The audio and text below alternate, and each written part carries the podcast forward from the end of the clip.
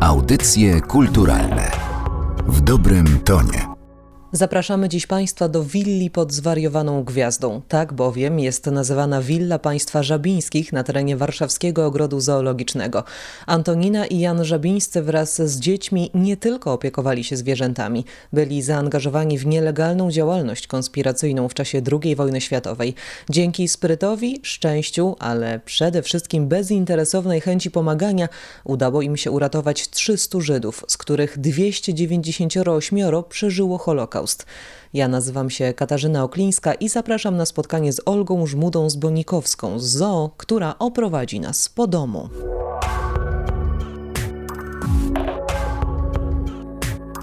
Witam serdecznie.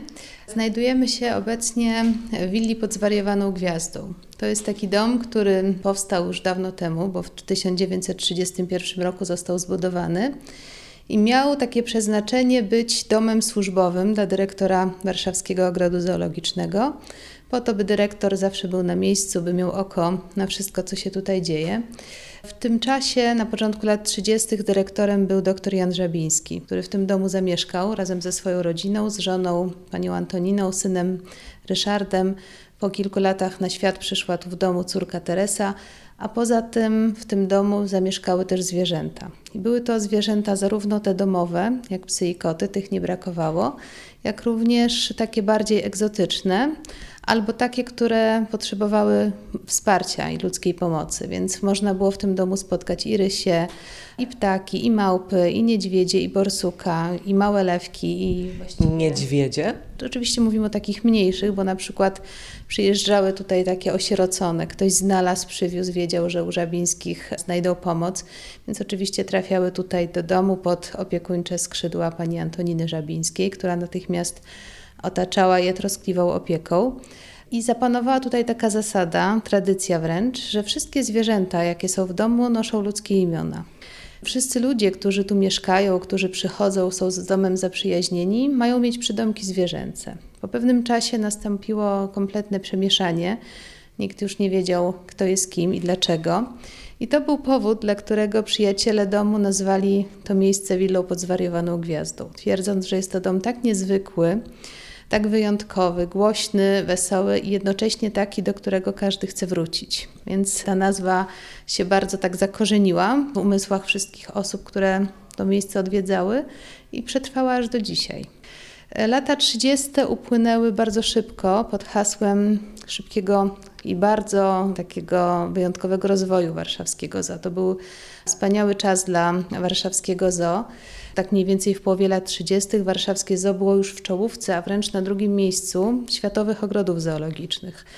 Wszystko dzięki oczywiście niezwykłej charyzmie, wizjonerstwu i pomysłom Jana Żabińskiego, który myślał już wtedy, co zrobić, by to miejsce było wyjątkowe. Niestety wszystko zmieniło się w dniu wybuchu II wojny światowej. Zoo warszawskie ucierpiało ogromnie, zostało zbombardowane, zniszczone.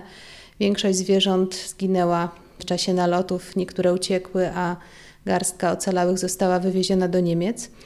I Niemcy podjęli decyzję, by zoo oficjalnie zamknąć. Już w listopadzie 1939 roku nastąpiło oficjalne zamknięcie z dodatkową adnotacją, że nigdy już więcej w Warszawie ma zoo nie istnieć. Warszawa zoo nie potrzebuje. Ale Jan Żabiński znalazł i na to sposób. On znajdował sposób na wszystko. Bardzo szybko okazało się, że ma pewien pomysł na to, co można tutaj zrobić, ponieważ szczęściem ogromnym było, że dom, w którym jesteśmy, ocalał. Był z lekko zniszczony, ale nadawał się jak najbardziej do mieszkania, nie ucierpiał za bardzo. Natomiast to, co działo się na terenie to jest zupełnie inna historia, bo działo się tutaj tak wiele, że aż trudno w to uwierzyć, zarówno ze strony niemieckiej, jak i polskiej bo Niemcy ten teren wymyślili sobie, że przeznaczą na hodowlę świń. Będą tu hodować świnie dla swojej armii. Wykorzystają też ten teren, no piękny zielony park, jako miejsce spacerowe, dla siebie oczywiście tylko, więc teren im się przyda. Z kolei Żabiński od początku zastanawiał się, jak tego dokonać, by pozwolono mu tu pozostać. Przede wszystkim chciał mieć oko na ten teren. On wierzył, że mimo wszystko zo po wojnie odbuduje. No, a poza tym już wtedy kiełkowała w nim myśl o tym, by to miejsce uczynić takim ważnym punktem na mapie rodzącego się państwa podziemnego. Dużo historii się tu wydarzyło i wiele anegdot można tutaj opowiedzieć. W każdym razie Żabiński uzyskał pozwolenie, by tu pozostać. Został też zatrudniony niejako przez zarząd miasta jako opiekun terenów zielonych na terenie całej Warszawy. Mieszkał tutaj i powoli, powoli coraz więcej zaczynało się tutaj dziać jeśli chodzi o działalność konspiracyjną. I z jakich względów mógł też, a nawet musiał z powodu swoich obowiązków zawodowych wjeżdżać na teren getta? To aż trudno w to uwierzyć, ale rzeczywiście miał przepustkę do getta. Przede wszystkim znowu jako ten nadzorca terenów zielonych. W getcie może nie było tych terenów tak wiele, ale jednak były, więc formalnie opiekował się tymi terenami. Poza tym okazało się, że przynajmniej w początkowym okresie istnienia getta, resztki jedzenia, jakie tam były, będą przeznaczone właśnie dla tych mieszkających tu w zoo świń. Więc on jeździł po te resztki, przywoził je tutaj do zoo. Przy okazji niejako, zupełnie jakby mimochodem, zawierał kolejne znajomości, budował siatkę konspiracyjną w getcie i rozpoczął pomoc niosąc ją początkowo przyjaciołom sprzed wojny, którzy zamieszkali w getcie, potem coraz to nowym, następnym osobom aż ta cała siatka rozrosła się do wręcz niebotycznych rozmiarów. Ile osób w sumie rodzina Żabińskich uratowała z Holokaustu? Od momentu zamknięcia getta aż prawie do samego końca przeszło przez dom 300 osób narodowości żydowskiej, ocalało 298. Ta liczba robi wrażenie. Jest ogromna liczba, biorąc też pod uwagę, że dom wcale nie jest duży choć wydaje się większy z zewnątrz, to rzeczywiście robi to wrażenie. Biorąc też pod uwagę okoliczności, jakie towarzyszyły tutaj codziennemu życiu w zoo, wydaje się to wręcz niemożliwe. Wszystko działo się pod nosem wroga. Niemcy byli obecni przez cały czas na terenie zoo, nigdy nie było wiadomo kiedy i z jakiego powodu zajrzał do domu. A przecież mówimy tutaj tylko o pewnej takiej małej działce konspiracji, o ukrywaniu osób, a przecież działo się tu znacznie więcej, bo i broń była tu składowana, i tajne komplety, i szkolenia, i wydawanie fałszywych dokumentów, więc działo się tutaj bez przerwy coś. To teraz musimy odpowiedzieć, spacerując po domu i opowiadając o nim, jakim cudem udało się tutaj przechować, przetrzymać tyle osób przez kilka ładnych lat II wojny światowej. Proszę prowadzić. Zapraszam, możemy przejść tutaj dalej. Jeśli chodzi o to, jak wyglądało takie życie codzienne tutaj, no to oczywiście trzeba wspomnieć, że te 300 osób przeszło tutaj przez okres tych paru lat. Natomiast w jednym czasie było ukrywanych tu około 20, czasem w porywach do 30 osób. I zdarzały się sytuacje takie, że okazało się, że ktoś potrzebuje pomocy, kolejna osoba, a wydawało się, że nie ma już miejsca. I nagle to miejsce się znajdowało. Ludzie, którzy tutaj mieszkali, którzy przeszli przez ten dom, twierdzili, że pani Antonina Żabińska e, nie jest człowiekiem. Mówiono, że jest aniołem zesłanym na ziemię i tylko dzięki jej pracy, dzięki jej niezwykłemu hartowi ducha i odwadze, wszystko tutaj się udawało. I dodatkowo jeszcze ludzie, którzy tu byli, twierdzili, że ten czas tutaj, w piwnicy, w ciężkich warunkach, w strachu, był najlepszym czasem w ich życiu ponieważ atmosfera tego domu powodowała, że każdy czuł się tu dobrze i każdy czuł się na, na swoim miejscu. Teraz jesteśmy w jadalni, tuż za drzwiami, tuż za przedsionkiem i to tutaj znajduje się słynna kolekcja owadów, która została cudem właściwie ocalona z II wojny światowej. Kolekcja profesora Szymona Tenenbauma pozostaje do dnia dzisiejszego największą kolekcją bezkręgowców świata liczy ogromne, ogromne ilości okazów z całej kuli ziemskiej, a sam profesor Tenenbaum przeznaczył 20 lat swojej pracy zawodowej na to, by zebrać, opisać, skatalogować i poumieszczać w tych gablotach te wszystkie piękne okazy. Uważał i słusznie, że jest to dzieło jego życia, coś, co chciałby przekazać następnym pokoleniom. Wiele tych gatunków, które tutaj możemy dzisiaj oglądać na wolności na świecie już nie zobaczymy. Zdążyły niestety wyginąć. Wiele z tych gatunków zostało odkrytych dopiero wtedy przez samego profesora Tenenbauma, więc jest to kolekcja o niezwykłej wartości naukowej i historycznej. Profesor Tenenbaum, zdając sobie sprawę jak niewielkie są jego szanse na przeżycie, ponieważ był człowiekiem już schorowanym. I pochodzenia żydowskiego. I oczywiście pochodzenia żydowskiego, więc kiedy trafił do getta, za wszelką cenę postanowił uratować swoją rodzinę i swoją kolekcję. Na kolekcję miał tylko jeden pomysł przyjaciel, czyli właśnie Jan Żabiński, przyjaciel z lat szkolnych, któremu powierzył wszystkie kilkaset gablot. I Żabiński oczywiście wszystko przyjął, schował, umieścił tu w domu a wiedziony jakimś chyba szóstym zmysłem, na kilka tygodni przed powstaniem warszawskim wywiózł je pod Warszawę. Kolekcja przetrwała w całości. Nie była zniszczona. Na szczęście okazało się, że wszystkie okazy są na swoim miejscu. I tuż po wojnie kolekcję Tenenbauma przekazano Polskiej Akademii Nauk, gdzie jest do dzisiaj. A tutaj w salonie w willi Żabińskich można obejrzeć kilka z nich, kilka gablot z tych wielu, które przetrwały. To jest zaledwie ułamek kolekcji. Całość można zobaczyć po wielu, wielu trudnych, biurokratycznych podchodach, bądź wcale nie jest łatwo zobaczyć kolekcję profesora, bo jest to niejako już skarb narodowy w tej chwili. Sam profesor niestety wojny nie przeżył, zmarł w getcie. Natomiast Jan Żabiński już po śmierci przyjaciela zorganizował akcję wydostania z getta żony profesora. Udało się ją wyprowadzić, trafiła tutaj do willi w Zoo. Potem była ukrywana w wielu innych miejscach i zmarła dopiero w latach 70. A czy to prawda, że profesor nie chciał opuścić murów getta? A miał taką możliwość? Rzeczywiście proponowano mu to właściwie od początku, natomiast on z racji tego, że zdawał sobie sprawę, że jego stan zdrowia już jest bardzo zły, twierdził, że są inni bardziej potrzebujący, nie tylko jego rodzina, ale też inne osoby a poza tym to już taka anegdota, ale podobno prawdziwa jak najbardziej. Zresztą jeżeli znamy profesora, to możemy w to jak najbardziej uwierzyć. Powiedział, że tam jeszcze ma pewną pracę do zrobienia, bo tam w getcie też są pewne bezkręgowce, których jeszcze nie ma w kolekcji. I on nawet tam jeszcze będąc też zbierał, umieszczał je w odpowiednim miejscu i opisywał. Prawdziwy pasjonat. Przejdźmy więc dalej. Dalej jest gabinet Jana Żabińskiego.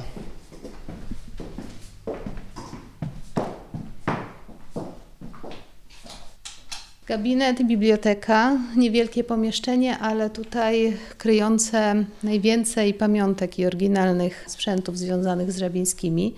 I książki, cały księgozbiór, który tutaj jest, to są oryginalne zbiory doktora Żabińskiego.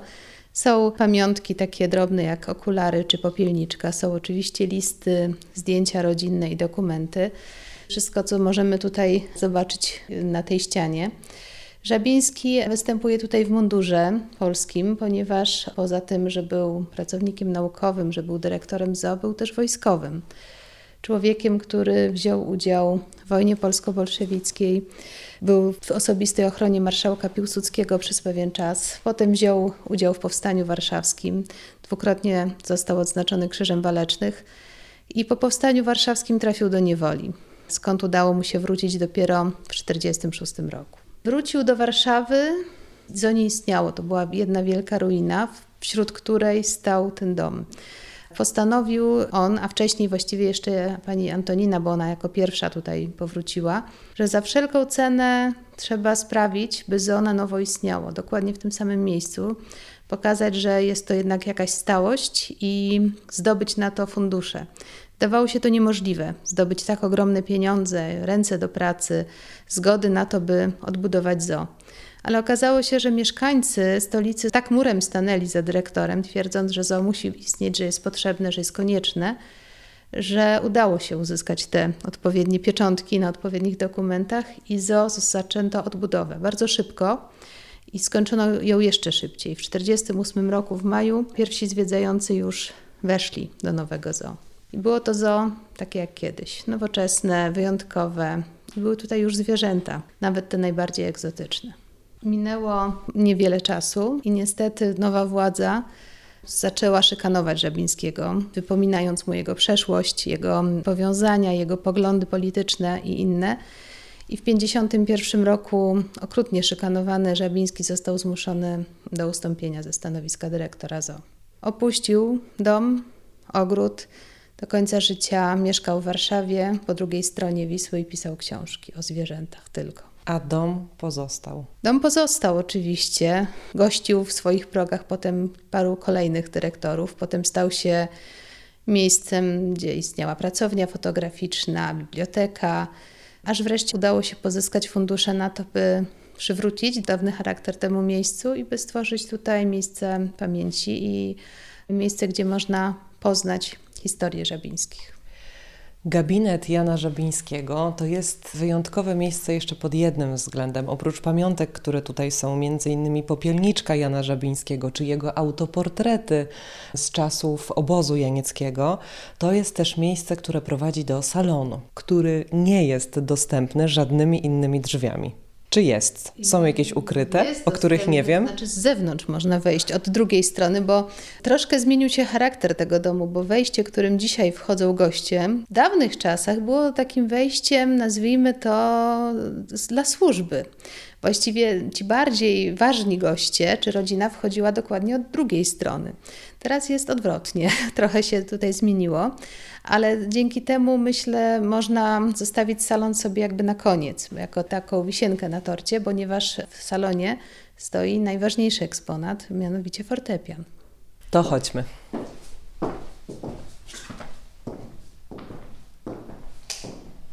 największe pomieszczenie i na honorowym miejscu ustawiony fortepian. Na fortepianie grali oboje żabińscy, ale przede wszystkim lubiła to robić pani Antonina. Grywała sobie, czasami by się odstresować, czasami dla przyjemności, czasami bo ją o to poproszono, a w czasie okupacji z tej swojej gry na fortepianie uczyniła niejako taki system alarmowy, skrzynkę kontaktową pomiędzy górą, gdzie mieszkali domownicy, a dołem, gdzie mieszkali ci, którzy byli ukrywani. Wiemy, że pani Antonina miała ustalony system z osobami, które były tutaj ukrywane. Każdy poszczególny utwór oznaczał coś innego, dawał inny znak. Jeśli sytuacja była niebezpieczna, Niemcy wchodzili do domu, nie było wiadomo, co się wydarzy. Sygnałem alarmowym była aria Piękna Helena Offenbacha. To był znak dla tych, którzy byli ukrywani, jest niebezpiecznie, trzeba zachować szczególną ostrożność, być cicho, no i czekać. Ta sama melodia, ale grana szybciej i z mocnymi takimi uderzeniami, oznaczała, że zaczyna być skrajnie niebezpiecznie. Być może dojdzie do rewizji, być może będzie przeszukiwany dom. Należy opuścić piwnicę jak najszybciej i wydostać się poza dom. A z piwnicy można było wyjść tylko jedną drogą podziemnym tunelem, który zaczynał się w piwnicy, kończył nieopodal domu, stojącej wtedy tutaj obok takiej wolierze czy klatce, ogromnej klatce dla bażantów. Zresztą tutaj znowu wróciła tradycja willi pod zwariowaną gwiazdą, bowiem wszystkie te osoby, które tu były ukrywane, z racji tego, że wychodziły do dawnej bażanciarni, nazywane były bażantami. Zawsze mówiono, idź do bażantów, daj jeść bażantom i tak dalej. Sygnałem, który odwoływał alarm, który pozwalał wrócić do domu, był Chopin. To były melodie Chopina różne, oznaczające, że wróciło do normy, można też przyjść z powrotem do domu. Powiedziała Pani, że osoby ukrywane były nazywane bażantami, ale była też jedna kobieta Żydówka, która była nazywana szpakiem. Szpak to osoba wyjątkowa w historii domu. Mówimy o pani Magdalenie Gross, która, no wiadomo, wspaniała artystka, rzeźbiarka. Przed wojną wystawy miała w wielu światowych stolicach. W Paryżu wręcz okrzyknięto ją fenomenem w zakresie rzeźby animalistycznej. Była przyjaciółką Żabińskich z dawnych czasów przedwojennych. Była też pierwszą osobą, którą Żabińscy przyjęli pod swój dach, której zdecydowali się pomóc. I była też osobą, która spędziła tutaj najdłuższy czas ze wszystkich. Była tutaj aż trzy lata, w tym domu, w piwnicy właściwie.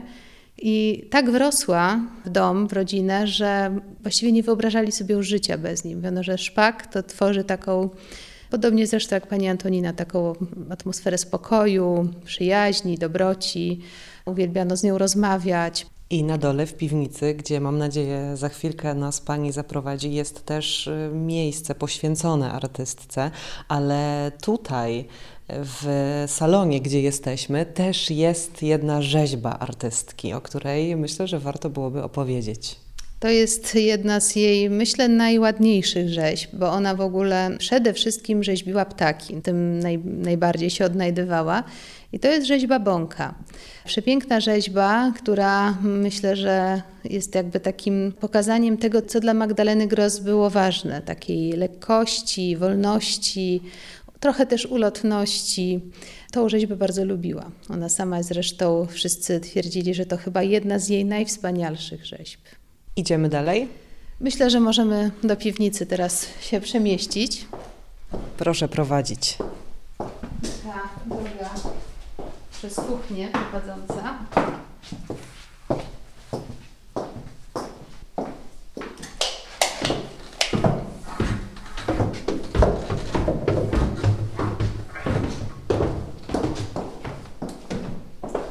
Jesteśmy na dole w piwnicy, w której właściwie rozgrywało się najwięcej w czasie wojny wydarzeń. Nieraz bardzo dramatycznych, nieraz nawet wesołych, o dziwo.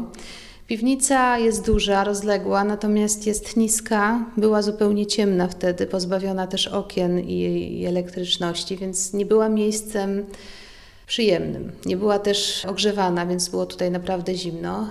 Tych wszystkich małych pomieszczeniach, jakie tu są, w jakichś komórkach, zawsze ktoś przebywał i zawsze ktoś mieszkał. Wejdźmy tędy. Idąc, mijamy na ścianach dużo takich listów. To są wszystko świadectwa prawdy osób, które zostały ocalone przez Żabińskich. Po wojnie zdecydowały się spisać swoje relacje, świadczyć w procesie o przyznaniu Żabińskim tytułu Sprawiedliwy wśród Narodów Świata. Ten tytuł Żabińscy otrzymali w 1965 roku. To jest certyfikat Instytutu Yad Vashem, który wspomina, jak to Żabiński w 1965 roku, będąc w Izraelu, zasadził drzewo w ogrodzie pamięci w Jerozolimie.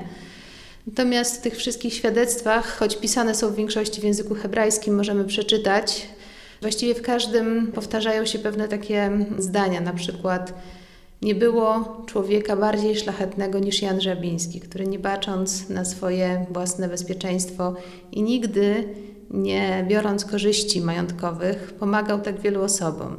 Nie było cudowniejszej osoby niż pani Antonina, która matkowała wszystkim, brała wszystkich pod opiekę, starała się, żeby każdemu było dobrze. I co ciekawe, pojawia się tutaj takie stwierdzenie w tych listach, że w czasie wojny willa pod zwariowaną gwiazdą otrzymała jeszcze drugą nazwę, zamiennie stosowaną, mianowicie mówiono, że jest to arka. Arka, gdzie wszyscy znaleźli schronienie. Są też zdjęcia, to są wszystko oryginalne zdjęcia ocalonych, to jest między innymi jedna z nich, pani Rachela Auerbach, czyli członkini grupy Onek Shabbat, która zasłynęła jako grupa osób, twórców archiwum warszawskiego getta. Rachela była jedną z kilku zaledwie osób, które przeżyły z tej grupy i dzięki niej udało się po wojnie odszukać dwie z trzech ukrytych skrzyń. A część zapisków, które znalazły się potem w archiwum getta, na, przechowywane również były na terenie ZON, na, na terenie wybiegu dla nosorożców, obecnego wcześniej dla słoni. Bo tam, gdzie dzisiaj jest wybieg lwów, no tam Niemcy składowali broń. No, zaledwie parę set metrów bliżej na, na terenie prawda, słoni, no to Polacy mieli swoją nielegalną broń. No, właściwie rzeczy wyjątkowe się tutaj działy. Pod latarnią najciemniej. Dokładnie A co tak. tutaj widzimy? To jest malutki pokój, miejsce, gdzie przez pół roku mieszkała rodzina, rodzice i dwoje dzieci. I tam w głębi jest na zdjęciu mały chłopiec, to właśnie jest syn, ten starszy syn, który dzisiaj jest ostatnią już osobą, która pamięta ten dom, to miejsce i te zdarzenia. Żyje on i żyje jego młodsza siostra, ale ona była tak mała, że właściwie nie ma żadnych wspomnień z tamtego czasu. Natomiast on pamięta wszystko. Jest osobą niezwykle związaną dzisiaj z tym miejscem. Piwnica skrywa jeszcze wiele ciekawych historii. Przejdźmy dalej.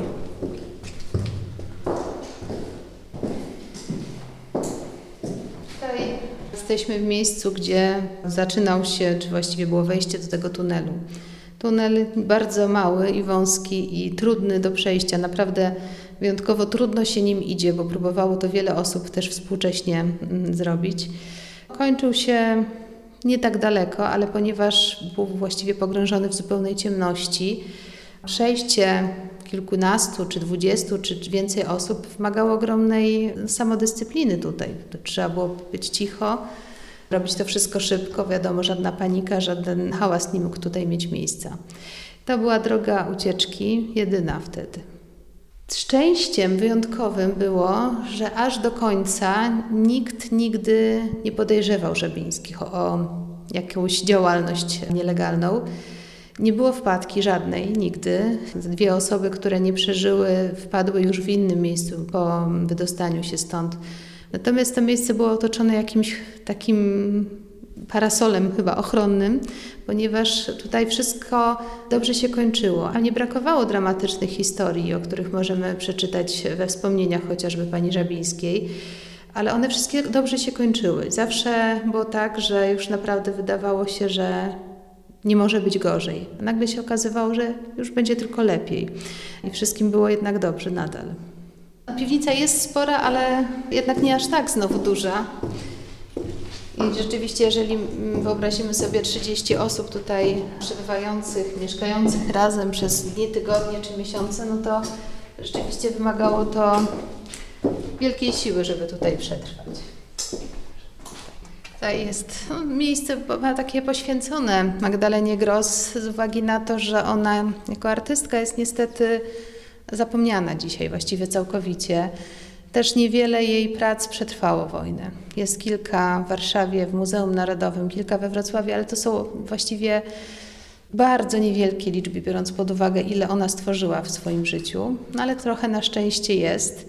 Jest też trochę jej narzędzi pracy. Jest, tak, to jest takie miejsce, żeby ją wspomnieć, żeby pamiętać właśnie o szpaku. A tam pod gablotką, tą szklaną, stoi taka mała rzeźba słonia chyba najcenniejsza w tej chwili tutaj, ponieważ jest to rzeźba przedstawiająca tuzinkę, jedynego warszawskiego słonia, który się tutaj przed wojną urodził. I był bardzo popularny. Tak, to można powiedzieć, że to był taki pierwszy warszawski celebryta, ponieważ jak się urodził, a właściwie urodziła, to był fenomen na skalę światową, narodziny słonia. Zresztą najlepszym dowodem na to jest to, że aż do dzisiaj w Polsce, nigdzie w Polsce słoń już się nie urodził niestety. Natomiast Tuzinka no, skradła serce wszystkich. Była taką ulubienicą i, i zwiedzających, i pracowników, i samego dyrektora przecież też. I kiedy się właśnie urodziła, Magdalena Gross rzeźbiła serię takich małych słoniątek, gdzie one były sprzedawane wszędzie. Były sprzedawane w postaci właśnie rzeźb, potem były maskotki, pamiątki, wszędzie tylko tuzinka się przewijała. Niestety tuzinka nie przeżyła wojny, została wywieziona do Niemiec, tam zginęła w czasie bombardowania. Willa oprócz piwnicy i części do pracy i do przyjmowania gości, to także piętro. To była prywatna część państwa żabińskich. Tak, tam są na górze, były i nadal są sypialnie. Tam mieszkała rodzina, zresztą w jednym z tych pokoików na górze urodziła się córka Żabińskich, Teresa. Kiedy tutaj przyjeżdża, to właśnie w tym pokoju najchętniej przebywa. Natomiast dzisiaj są to pokoje gościnne ogrodu. Czasami mamy przyjemność gościć tutaj na przykład pracowników innych ogrodów zoologicznych, którzy przyjechali z wizytą. Myślę, że wiele osób zwiedzających ogród czeka, aż będzie można wynająć pokój i spędzić noc w tym wyjątkowym miejscu. Bardzo Pani dziękuję za oprowadzanie po willi Państwa Żabińskich. Bardzo dziękuję. Audycje kulturalne w dobrym tonie.